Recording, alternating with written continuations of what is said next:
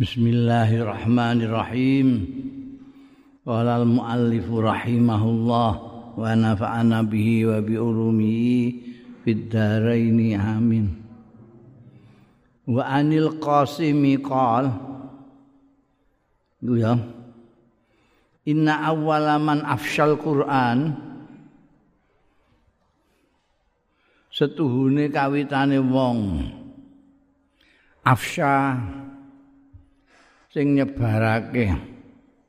Al-Qur'an ing Qur'an bi Makkah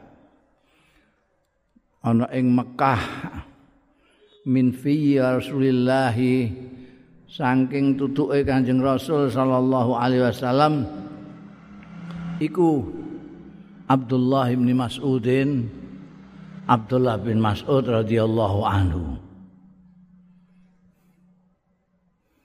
Padahal ana Abu Jahal, Abu Jahal maca buantre kan Abu Jahal ngamuk dicangap antek suwek kenane.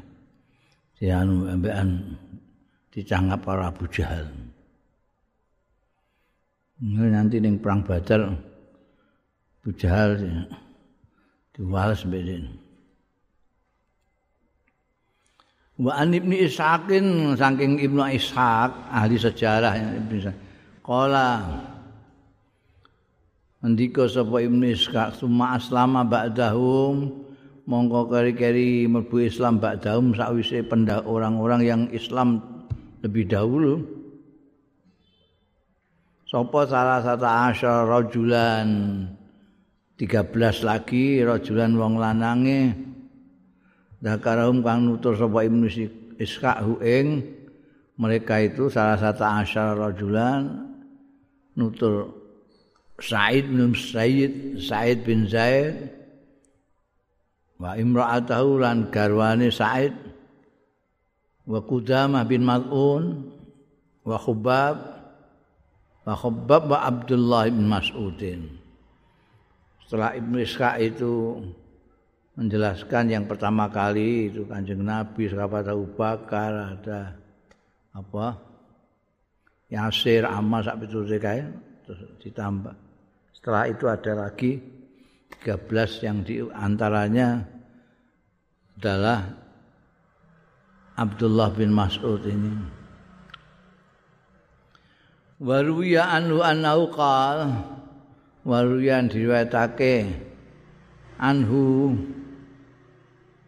Rangking Ibnu Iska ana ustune Ibnu Iska iku kala ndika Ibnu Iska aslama Abdullah bin Mas'udin mlebu Islam sapa Abdullah bin Mas'ud ba'da isnain wa isrina insanan sakwise lolikur manusa.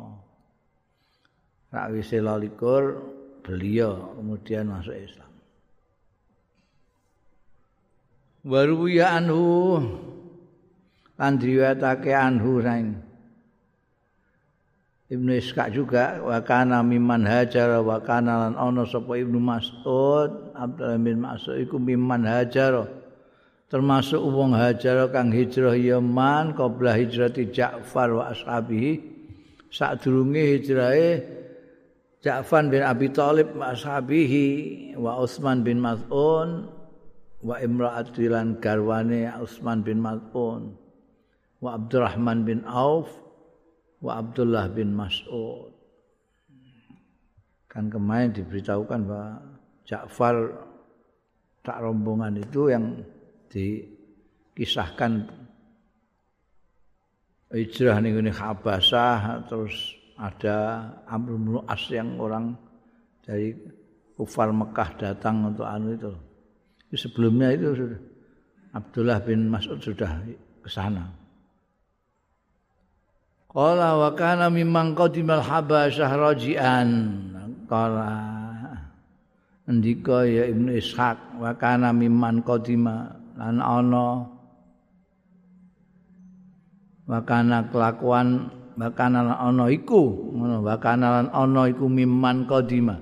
Termasuk wong sing teka ya manawuh minal habasati sing habasah rajian halib kundul khina balaghum Islam ahli Mekah nalikane sampai ing man apa Islamu ahli Makkah ta Islami ahli Makkah sapa Utsman bin Affan wa imraatuhu lan garwane Utsman bin Affan yaiku Ruqayyah bintu Rasulillah sallallahu alaihi wasallam wa Abdurrahman bin Auf wa Abdullah bin Mas'ud bin Al-Haris bin Syakhin bin Makhzum bin Sahilata bin Kahil bin Al-Haris bin Tamin bin Sa'ad bin Huzail sekaligus nyebut nasabe Sayyidina Abdullah bin Mas'ud yang dari Huzail Nah, disebut Huzali karena dari Huzail. Sahida melok nyekseni sama Abdullah bin Mas'ud Badron ing Badar. Bahkan yang membunuh Abu Jahal. Kala Muhammad bin Sirin ngendika sapa Muhammad bin Sirin akas. Akasa Abu Jahlin ibna Afra. Akasa melumpuhkan Abu Jahlin ing Abu Jahal sapa Ibna Afra anak lorone Afra ini orang Madinah, orang Ansor. Ada anak muda dua, putranya Afra ini mengejar tahu bahwa Abu Jahal itu tuhe kurang ajar karo Kanjeng Nabi luar biasa nalika ning Mekah. Dan itu yang mimpin juga. Itu goleki sing jenenge Abu Jahal nanti goleki cah loro. Tututi ora ngopeni sing liya-liyane pokoke kuntit. Abu Jahal Mbak Jahan terus di wedang sikile hilang keseimbangannya coba blok. Abu Jahal jalane gelimbung. Wadhafa fa'ale ibnu Mas'ud nggeblasake alai ing atas Abu Jahal sapa Ibnu Mas'ud. Artinya yang terus di pancoloti Mas'ud di jane wis gak iso apa-apa di mergo ambekan Ibna Afra ini sudah dilumpuhkan. Tiba gelundung kok anune. Eh Mas'ud karek melanjutkan menae. Zafafa alaihi Ibnu Mas'ud. Bablas akhirnya mata sing jadi yang ha ngoncatake nyawane Abu Jahal itu Ibnu Mas'ud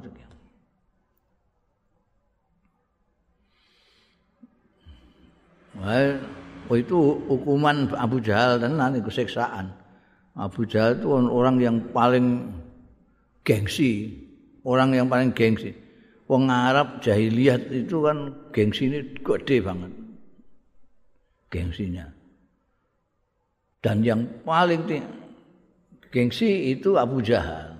Mulane nek mbok delok ning sejarah itu tidak manutnya tidak apa tidak imannya Abu Jahal tidak seperti yang lain-lain.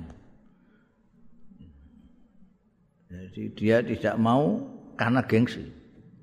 Dia tahu kalau anjing Nabi Muhammad Shallallahu Alaihi Wasallam itu tidak bohong itu tahu.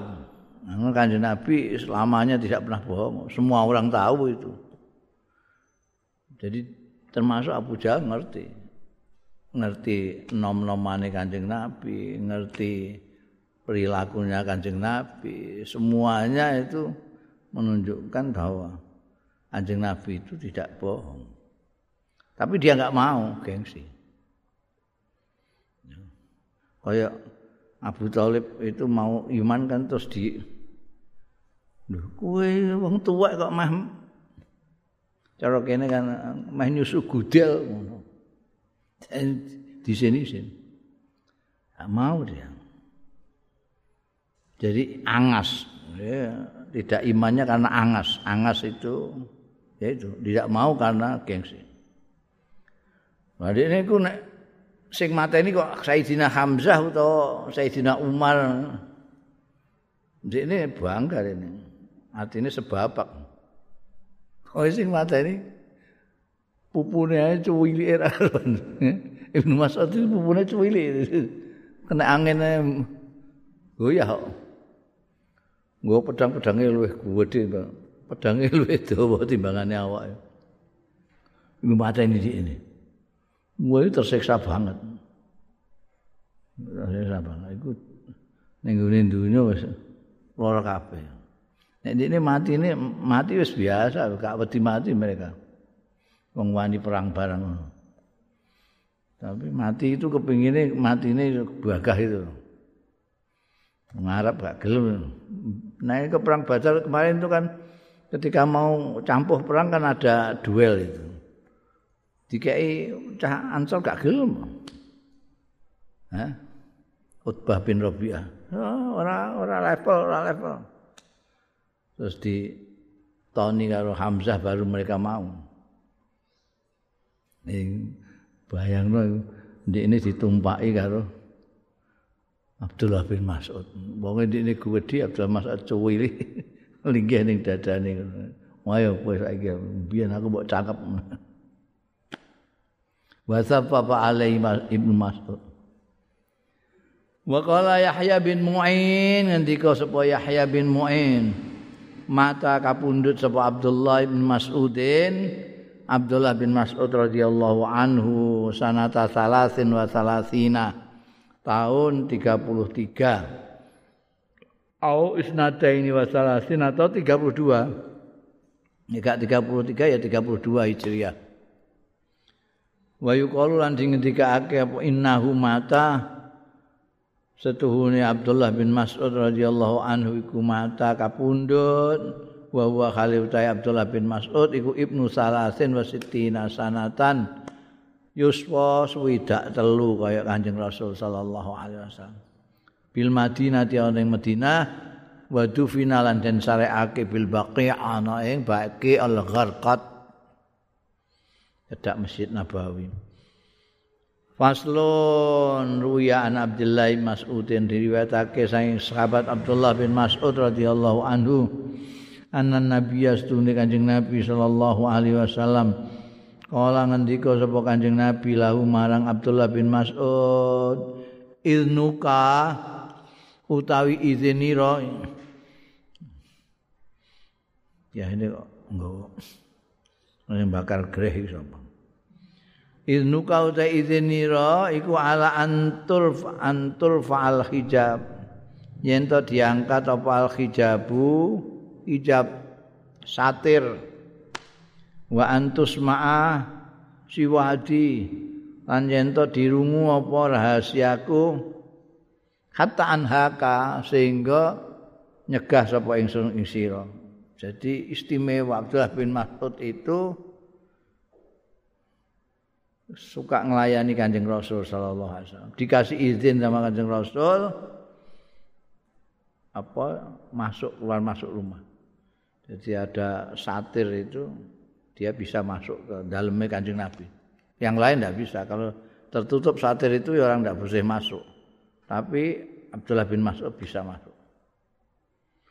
Kanjeng Nabi bicara soal rahasia juga dia diizinkan untuk mendengarkan kecuali kalau kanjeng Nabi tidak mengizinkan. Jadi itu izinnya kamu boleh melalui hijab boleh mendengarkan rahasiaku ya, sampai aku melarangnya.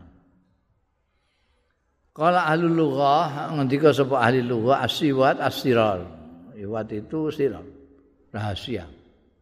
Hal-hal yang dirahasiakan itu boleh didengar oleh Abdullah bin Mas'ud. Memiliki istimewaan Abdullah bin Mas'ud.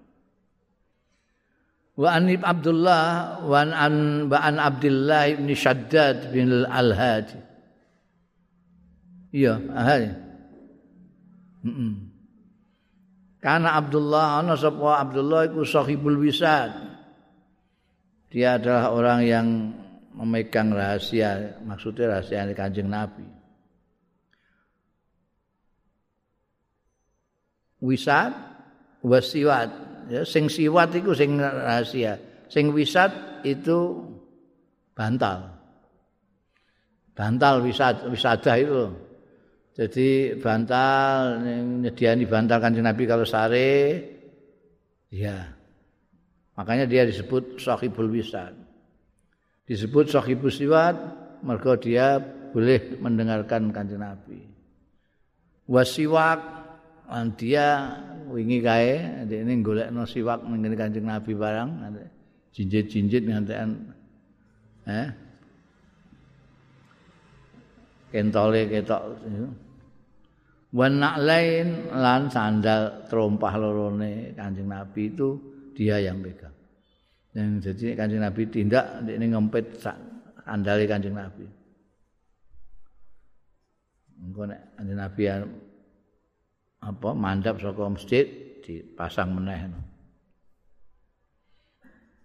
Nah disebut juga sahibun na'lain. Na'lain itu artinya sandali kanjeng Nabi. pasang kanjeng Nabi, sandali kanjeng Nabi. Waruwiya an Abdullah lan diriwayatake saing sahabat Abdullah bin Mas'ud radhiyallahu anhu kala ngendika sapa Abdullah bin Mas'ud Rakat lakot aituni yakti teman-teman ningali sapa ingsun ing ingsun tak tingali sadi sasitatin Aku adalah orang keenam enamnya orang keenamnya enam orang. Saat disasitatin enam orang keenamnya enam orang. Ma'alal arti yang ora ana alal arti ngatasi bumi muslimun utawi wong muslim ghairuna liyane kita berenam. Orang yang apa namanya ah, ahli Quran, dekat Kanjeng Rasul sallallahu alaihi wasallam ya. Itu tidak banyak. Satu di antaranya adalah Abdullah bin Mas'ud ini.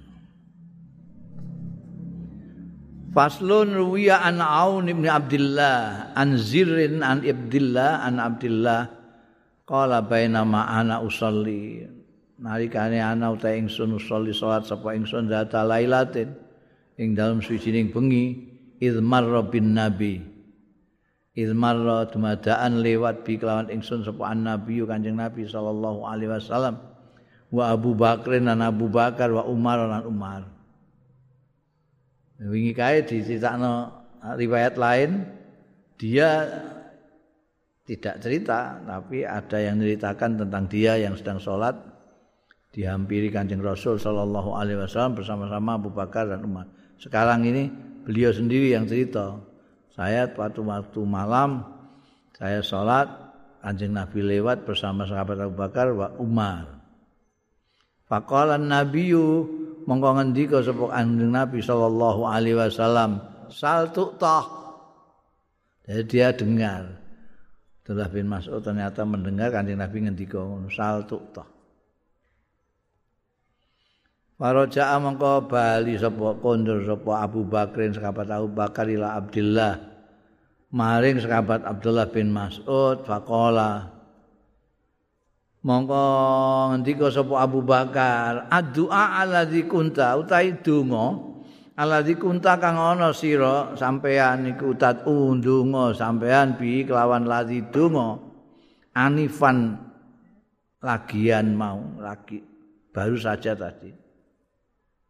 Aidhu alayya balenono sira hu ing ladzi doa alayya ing atase ingsun. Donga sing kanjeng nabi terus ngomentar saltu toh iku mau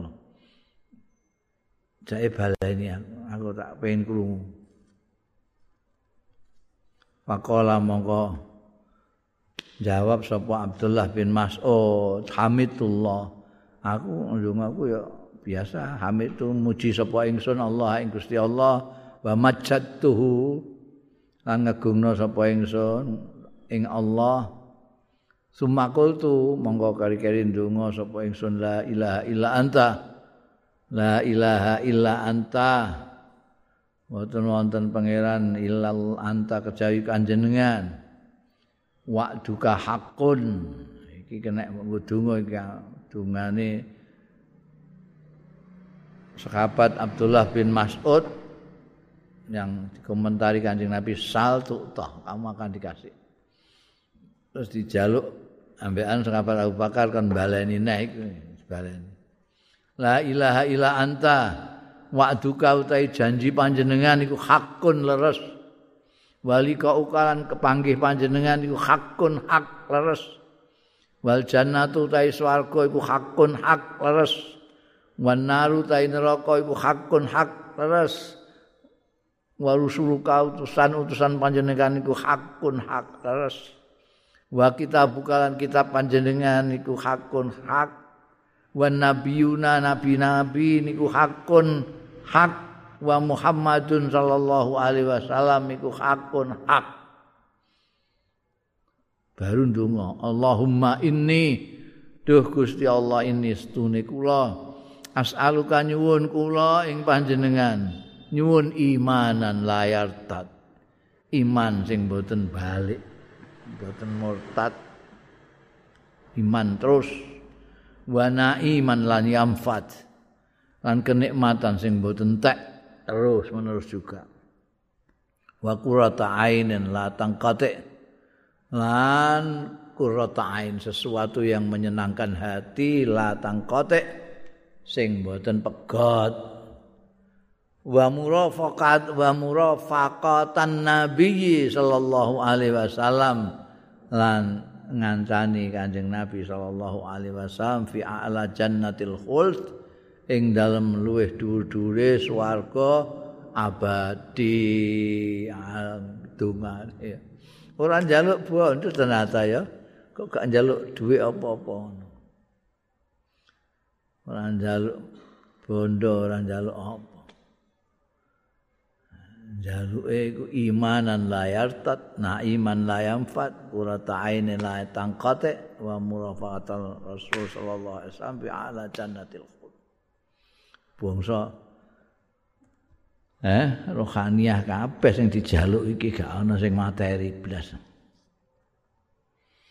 Faslun ruwiya an Abdullah bin Yazid dan riwayatake saing Abdullah bin Yazid kala ngendika Abdullah bin Yazid Qultu li Khuzaifah matur sapa ingsun li Khuzaifah marang Khuzaifah Akhbirna birajulin qaribil huda.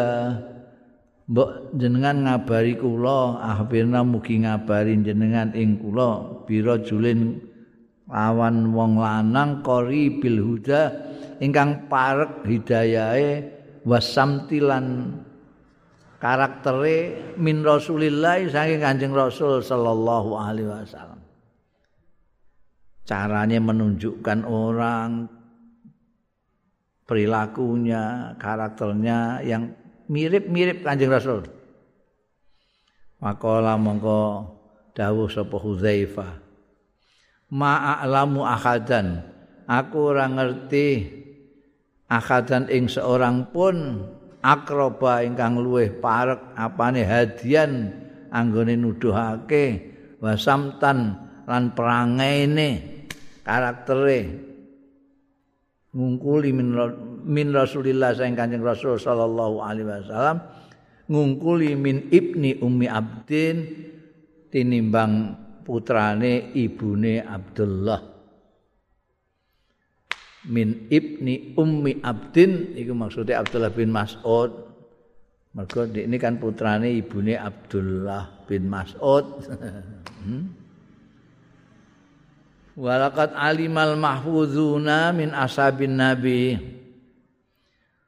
Lan teman-teman ngerti kabeh sapa al mahfuzuna wong-wong sing direksa jeneng-jenenge sing dikenal min ashabin nabi saking sahabat-sahabat Kanjeng Nabi sallallahu alaihi wasallam ngerti ing anna ibna ummi abdin setuhune putrane ummi abdin. Ummi abdin iku ibune Abdullah bin Mas'ud. Anna ibna ummi abdin iku min akrabihim termasuk luweh parek-pareke ashab utawa mahfuzun ilallahi marang Gusti Allah wasilatan sebagai wasilah yaumal kiamati ana ing dina kiamat. Sahabat-sahabat itu ngerti ini Abdullah bin Mas'ud ini.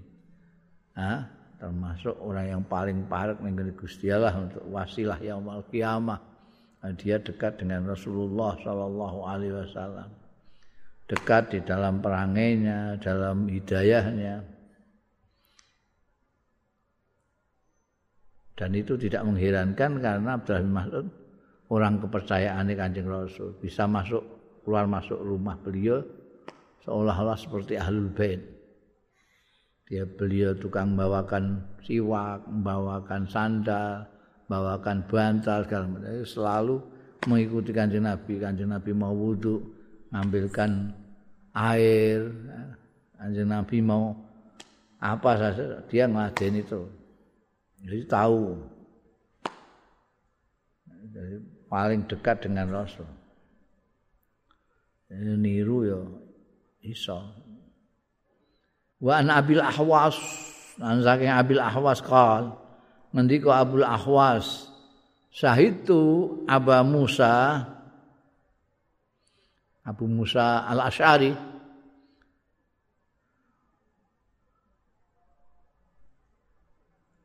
wa Abu Mas'ud. Wa Aba Mas'udin Abu Mas'ud Al-Ansari. Radhiyallahu anhuma. Khina mata Ibnu Mas'udin dua tokoh sahabat terkenal juga ini Abu Musa dan Abu Mas'ud. Khina mata nalikane kapundhut sapa Ibnu Mas'udin. Sahabat Abdullah bin Mas'ud radhiyallahu anhu. Wa ahaduma utai salah siji Abu Musa mbek Abu Mas'ud. Ini kan dua orang. Ahaduma salah siji Abu Musa dan Abu Mas'ud iku yaqulu li sahibihi. Ngendika li sahibi marang kancane ahaduhuma. Atarahu. Ana to ningali sira Bu ing Ibnu Mas'ud iku tarokan ninggal ba'da ba'du. Sakwise iki mislau ing umpamane Ibnu Mas'ud. Rembukan di Abu Musa sampai Abu Mas'ud itu. Ibnu Mas'ud itu kira-kira anu duit tinggalan sing kaya di ini moga setelah dia pergi itu apa ada orang yang seperti dia lagi? Faqala mongko. Jawab sapa sahibuhu La ora isa ora ana sing genteni. Sakwise ndak ada Ibnu Mas'ud yang ndak ada. Ingkana setune Ibnu Mas'ud layu azan yaktiku diizini lau kedua Ibnu Mas'ud Iza hujib nalikane dialang-alangi kita. Wa yasyadu lan nyekseni sapa Ibnu Mas'ud idza ghibna nalikane absen kita. Gak ono kayak di ini gak ono gak ono tunggale, gak ono tunggale. Enggak ada yang genteni kayak beliau enggak ada. Dan bagaimana? Dia itu diizini sendiri oleh kanjeng Nabi Muhammad Sallallahu Alaihi Wasallam untuk keluar masuk rumah beliau. Sementara kita enggak enggak boleh, kita ditutup. Kalau mau sowan kanjeng Nabi kita harus izin dulu. Ada hijab. Kalau masuk tanpa hijab langsung bludas-bludus. ada apa saja Ibnu Mas'ud ada di situ. Anjing Nabi sedang sholat ada di situ. Anjing Nabi sedang khutbah dia ada di situ. Anjing Nabi sedang rembukan dengan orang-orang Ibnu Mas'ud ada di situ. Anjing Nabi perang beliau ada di situ. Selalu. Nah kita kan enggak kadang-kadang absen. Kita kadang-kadang ketemu kanjeng Nabi, kadang-kadang tidak. Dia ketemu terus ya. Apa sing iso kaya beliau ini? Wa an Abil Bukhturi Kala ngendika Abul Bukhturi kalu do ngucap wong-wong li aliyin marang Sayyidina Ali radhiyallahu anhu hadisna mugi nyritani panjenengan ing kita an ashabi Muhammadin saking tentang sekabat-sekabate Kanjeng Nabi Muhammad sallallahu alaihi wasallam Kala jawab sapa Sayyidina Ali radhiyallahu anhu. An ayyihim tentang endi ashabi Muhammadin. Sahabatnya kanjeng Nabi bilang-bilang yang kamu tanyakan siapa? Kalu pada matur wong-wong An Ibni Mas'udin. Tentang Ibni Mas'ud. Oh, kala dawuh sapa Sayyidina Ali. Nah Ibnu Mas'ud iku alim Al-Qur'an. Ngalim ngerti apa Ibnu Mas'ud Al-Qur'an Al-Qur'an. Was sunnah talan sunnah. Sumantaha. Monggo kari wis, wis Cukup. Pokoknya Mas'ud itu orang yang tahu benar tentang Quran dan sunnah Rasul Sallallahu Alaihi Wasallam. Wa kafalun cukup bidzalika kelan mengkono-mengkono ilmu Quran was sunnah apane ilman ngilmune. Mas'ud itu menguasai Al-Quran dan Sunnah. Dan itu cukup. Orang kok meng, apa, menguasai Quran dan Sunnah. Sudah komplit. Faslun.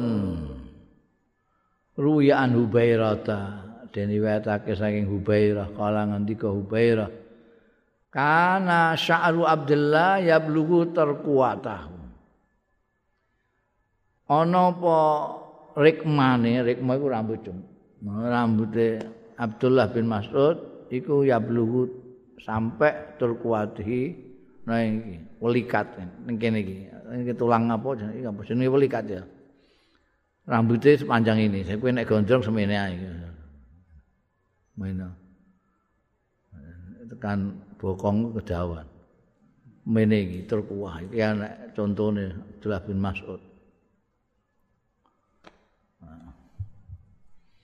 Wa fi riwayatin anu lan diriwayatake anu tentang Abdullah bin Mas'ud kana sa'ru Abdullah qariban ana apa rikmane Abdullah iku qariban marek-mareki minatur kuwati saking welikate.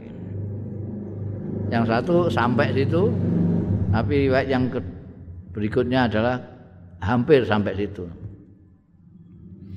Wa kana lan ana sapa Abdullah bin Mas'ud iku yaj'aluhu ndadekake sapa sahabat Abdullah bin Mas'ud hu ing sya'ruhu rambutnya ala udzunihi ing atase talingan, talingan iku kuping.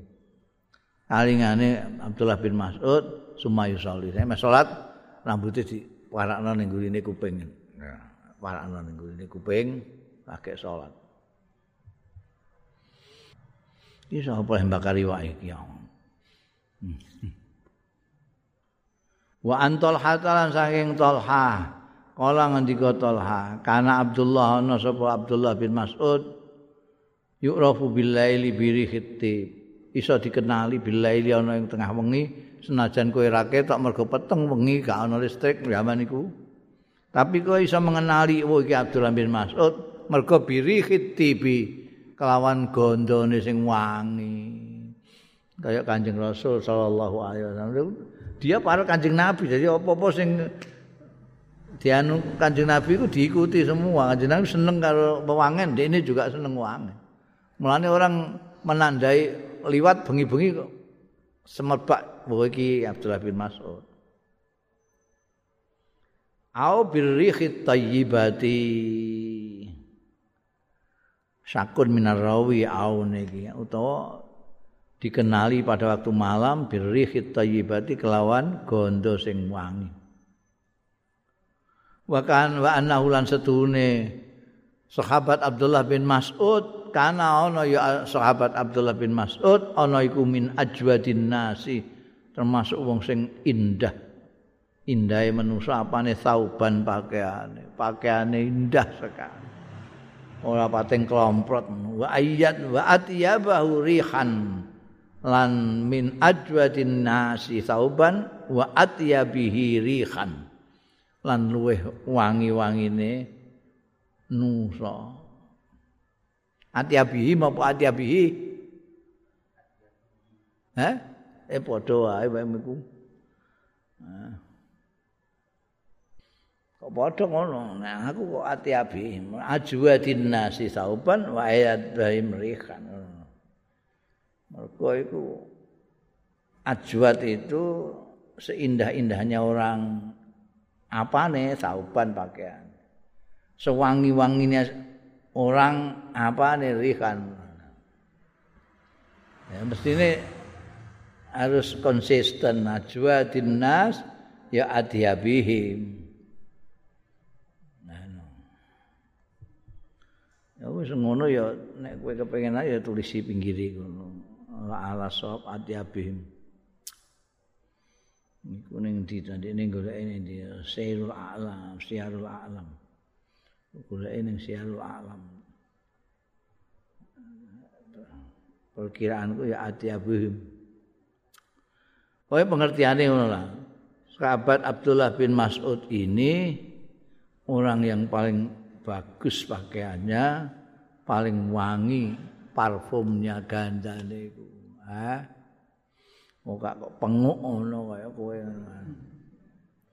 Faslun ruwiya an Hudzaifah radhiyallahu an kala ngendika sahabat Hudzaifah walladzi la ilaha ghairu demi zat la ilaha kang ora ana pangeran ghairu liyane lazi maro aitu rajulan aku ora ningali rajulan ing wong lanang asbaha kang memper bi Rasulillah kelawan Kanjeng Rasul sallallahu alaihi wasallam.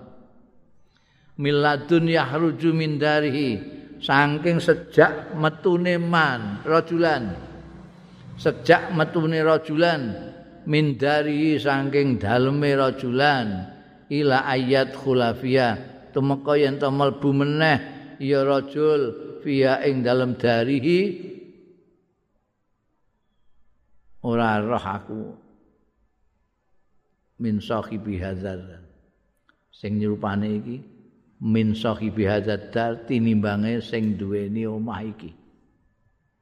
Dadi liwat ning gone omah ngono Sayyidina Hudzaifah ngendika demi zat allazi la ilaha illa ghairu aku ora tau tumon wong sing mulai keluar rumah sampai pulang ke masuk rumah lagi menyerupai ini tidak ada menyerupai kanjeng Rasul Sallallahu Alaihi Wasallam melebihi yang punya rumah ini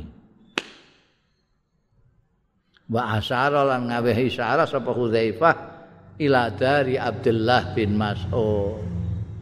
Jadi sing ditunjuk iku daleme Abdullah bin Mas'ud. Aku ora tahu roh wong lanang sing memper Kanjeng Nabi ketika keluar rumah dan pulang lagi ke rumah melebihi yang punya rumah ini. Itu daleme Abdullah bin Mas'ud. ya Yudha Hudzaifah wa fi riwayatin lan iku sebut ana ing swijining riwayat ma'alamu ahadan ora ngerti sapa ingsun ahadan ing seorang pun akroba. Sing luwih parek apane samtan perangainya karaktere wahadianan hidayah petunjuknya wadalan anggone nuduhake. Min Rasulillah saking Kanjeng Rasul parek saking Rasulullah sallallahu alaihi wasallam hatta yuwari jidaru baitihi sehingga ngetake ing ahadan apa jidaru baitihi temboke omahe ahad min ibni ummi abdin tinimbangane putrane ummi abdin. Maksudnya Abdullah bin Mas'ud. Dari tadi orang-orang menyebut Abdullah bin Mas'ud sebagai ibnu ummi abdin kalau kita sebut kalau disebut di kitab kitab hadis Abdullah Abdullah saja dari kalangan sahabat ya Abdullah bin Mas'ud Ibnu Ummi Abdin ya Abdullah bin Mas'ud. Faslun qala Umar bin Khattab ngendika sapa Umar bin Khattab radhiyallahu anhu fi Abdullah bin Mas'ud. Komentari sahabat Umar bin Khattab tentang Abdullah bin Mas'ud radhiyallahu anhu. Apa kata sahabat Umar?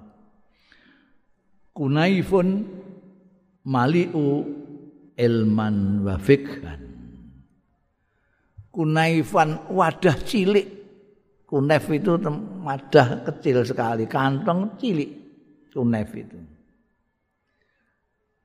tapi itu sahabat Umar kekagumannya dengan Abdullah bin Mas'ud digambarkan padahal cilik uangnya cilik.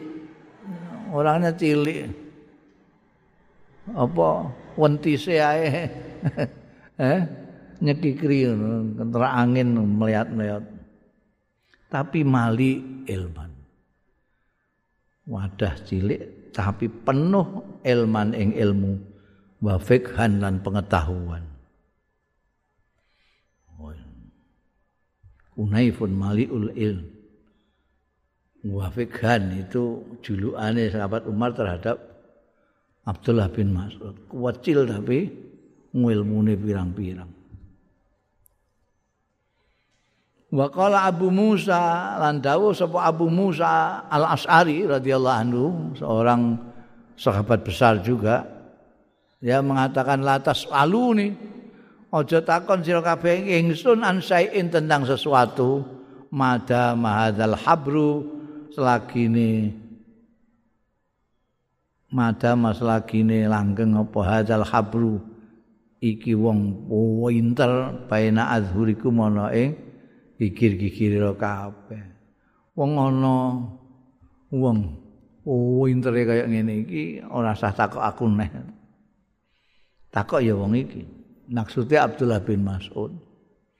Hadzal habru itu orang yang pandai sekali.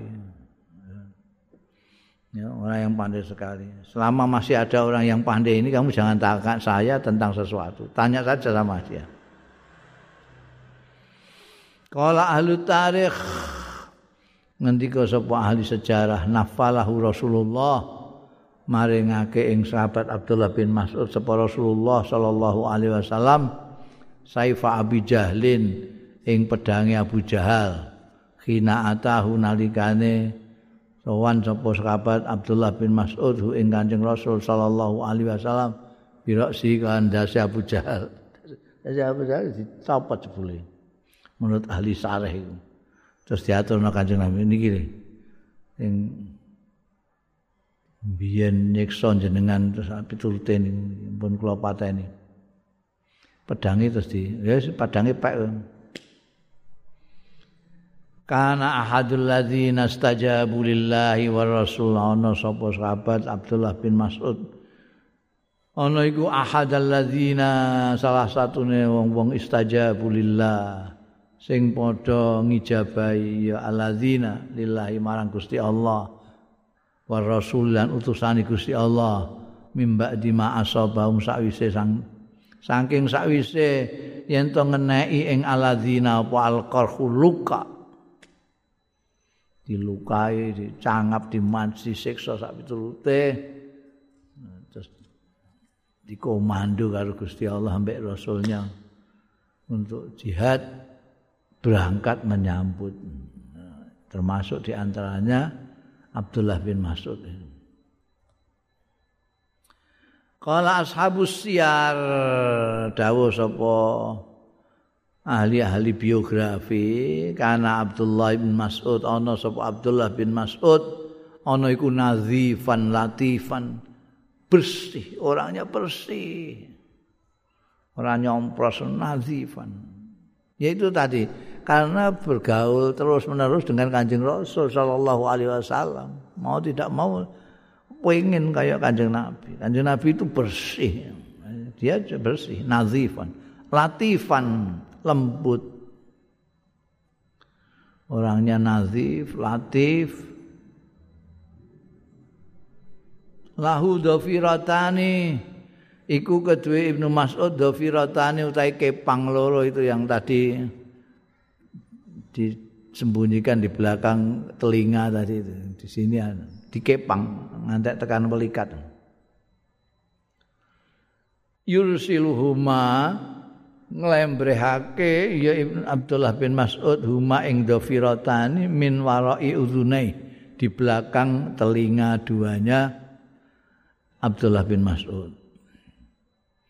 Kana ana sapa Abdullah bin Mas'ud iku yukiz iku yukizu mungokake mungokake iku supaya wungu mungokake an nabiya kanjeng nabi sallallahu alaihi wasallam Iza nama nalikane sare sapa Kanjeng Nabi.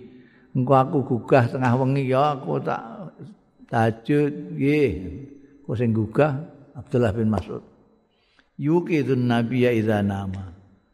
Kok esuk esuk subuh aku digugah ya Mas'ud yang gugah. Wa yasturuhu idza tasala lan nutupi sapa Abdullah bin Mas'ud ing Kanjeng Nabi sallallahu alaihi wasallam idza tasala nalikane siram Kanjeng Nabi. Kan durung ana jeding kaya saiki ngene iki. Dadi siram ya ditutupi supaya wong kene gak ngerti. Wa yarhalahu idza safara an budal sapa Abdullah Mas'ud lahu kanggo Kanjeng Nabi sallallahu alaihi wasallam idza safara nalikane bepergian ya Kanjeng Nabi. Kanjeng Nabi tindak endi ae Ibnu Mas'ud nderekno.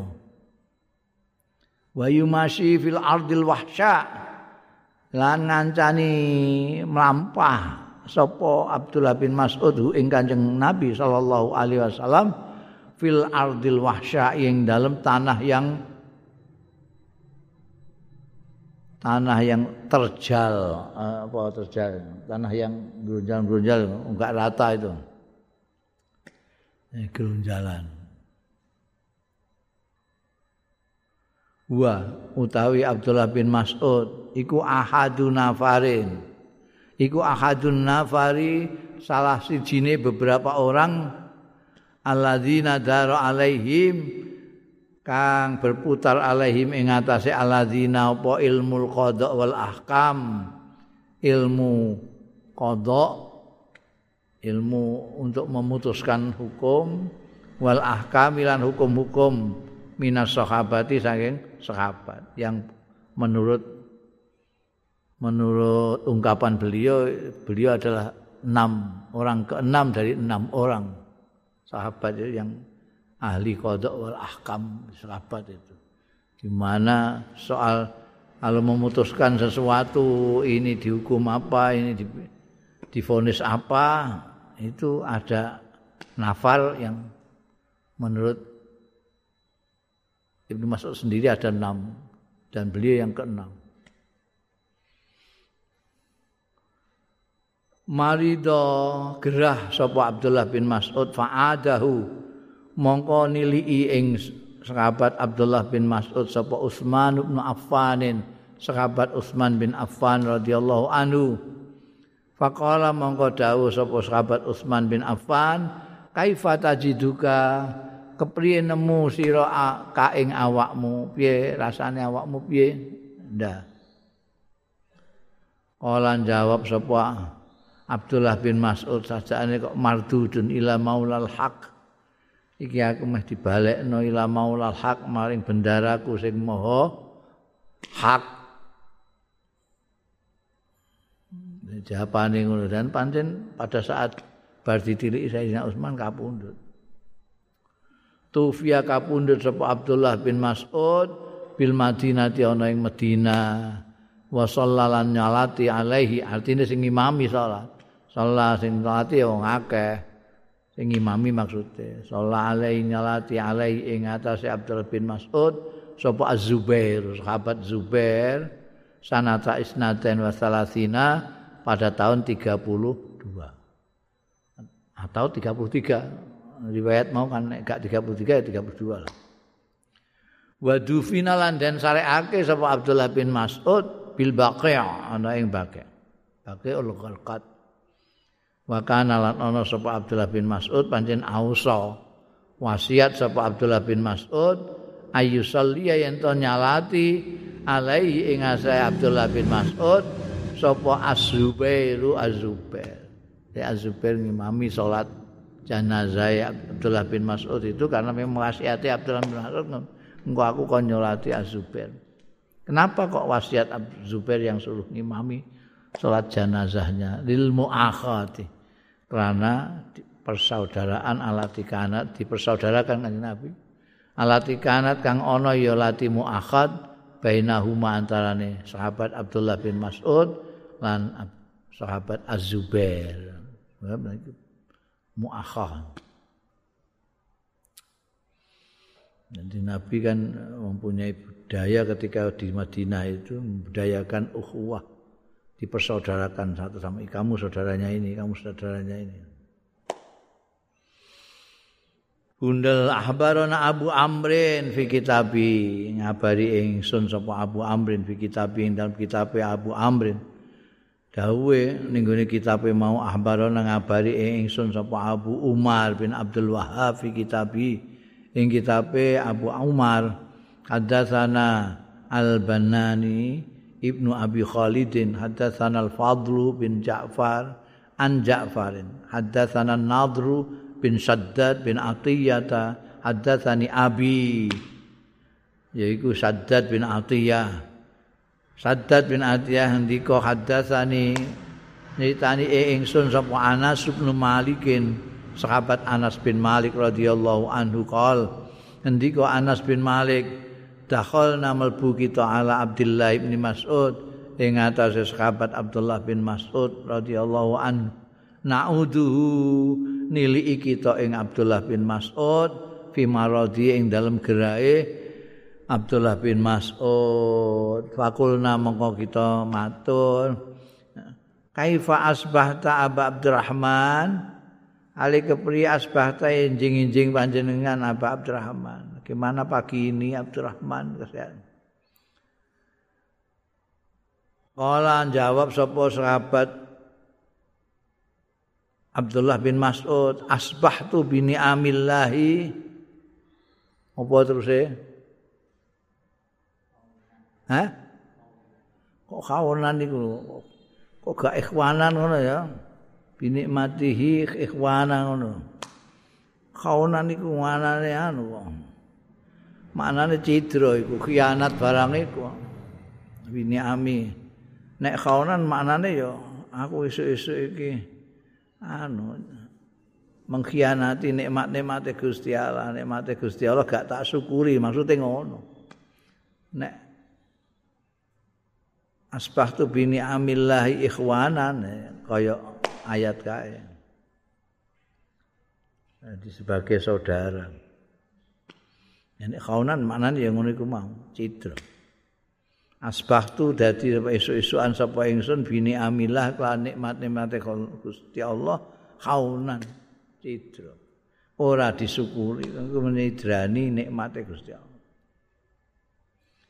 Fakulna mongko takon meneh kita wong-wonge pirang-pirang sing tilik iki mung dakolna itu ana pirang-pirang. Dadi fakulna iki sing ana sing takok piye? Pagi ini apa kabarmu? Dijawab asbahtu bina mlah kantos ana sing takon neh kaifa tajiduka ya Abu Abdurrahman? Ali kepriye tajiduka nemu sampean ing sampean dhewe? Terus pundi? Rasane awak sampean sepundi ya Abdurrahman? Kala jawab sapa sahabat Abdullah bin Mas'ud ajidu qalbi mutmainnan bil iman aku nemu atiku tak temu mutmainnan ingkang mantep anteng bil imani kelawan iman. Wa qulna lan matur kita ada yang bicara lagi orangnya banyak. Mata staki ing apa ngeluhke panjenengan ya Aba Abdurrahman sing takok rasane sepundi napa cekot-cekot napa sepundi iku mata staki Kala ndika sapa Abdullah bin Mas'ud astaki dzunubi. Aku mengeluhkan dosa-dosa aku khotoyalan kesalahan-kesalahanku. Ana sing takok meneh, kulna matur kita matastahi ing apa kepengin sampean-sampean kepengin apa sakniki. Kala dawuh sapa Abdullah bin Mas'ud astaghi aku kepengin maghfiratallahi ing pengapurane Gusti Allah waridwanahu lan keridaane Gusti Allah. Kulna matur kita ana sing matur neh alanat ulaka tabiban. Napa mboten ngundangake kita laka kangge jenengan tabiban ing dokter tabib no dunangke tabib sepundi Kala dawuh sapa Abdullah bin Mas'ud at-tabibuna yutabbibuna utawi tabib iku mak ngobati tok tabib iku ngobati. Sing diobati apa? At-tabibun yutabibuna. Utahe tabib iku nobati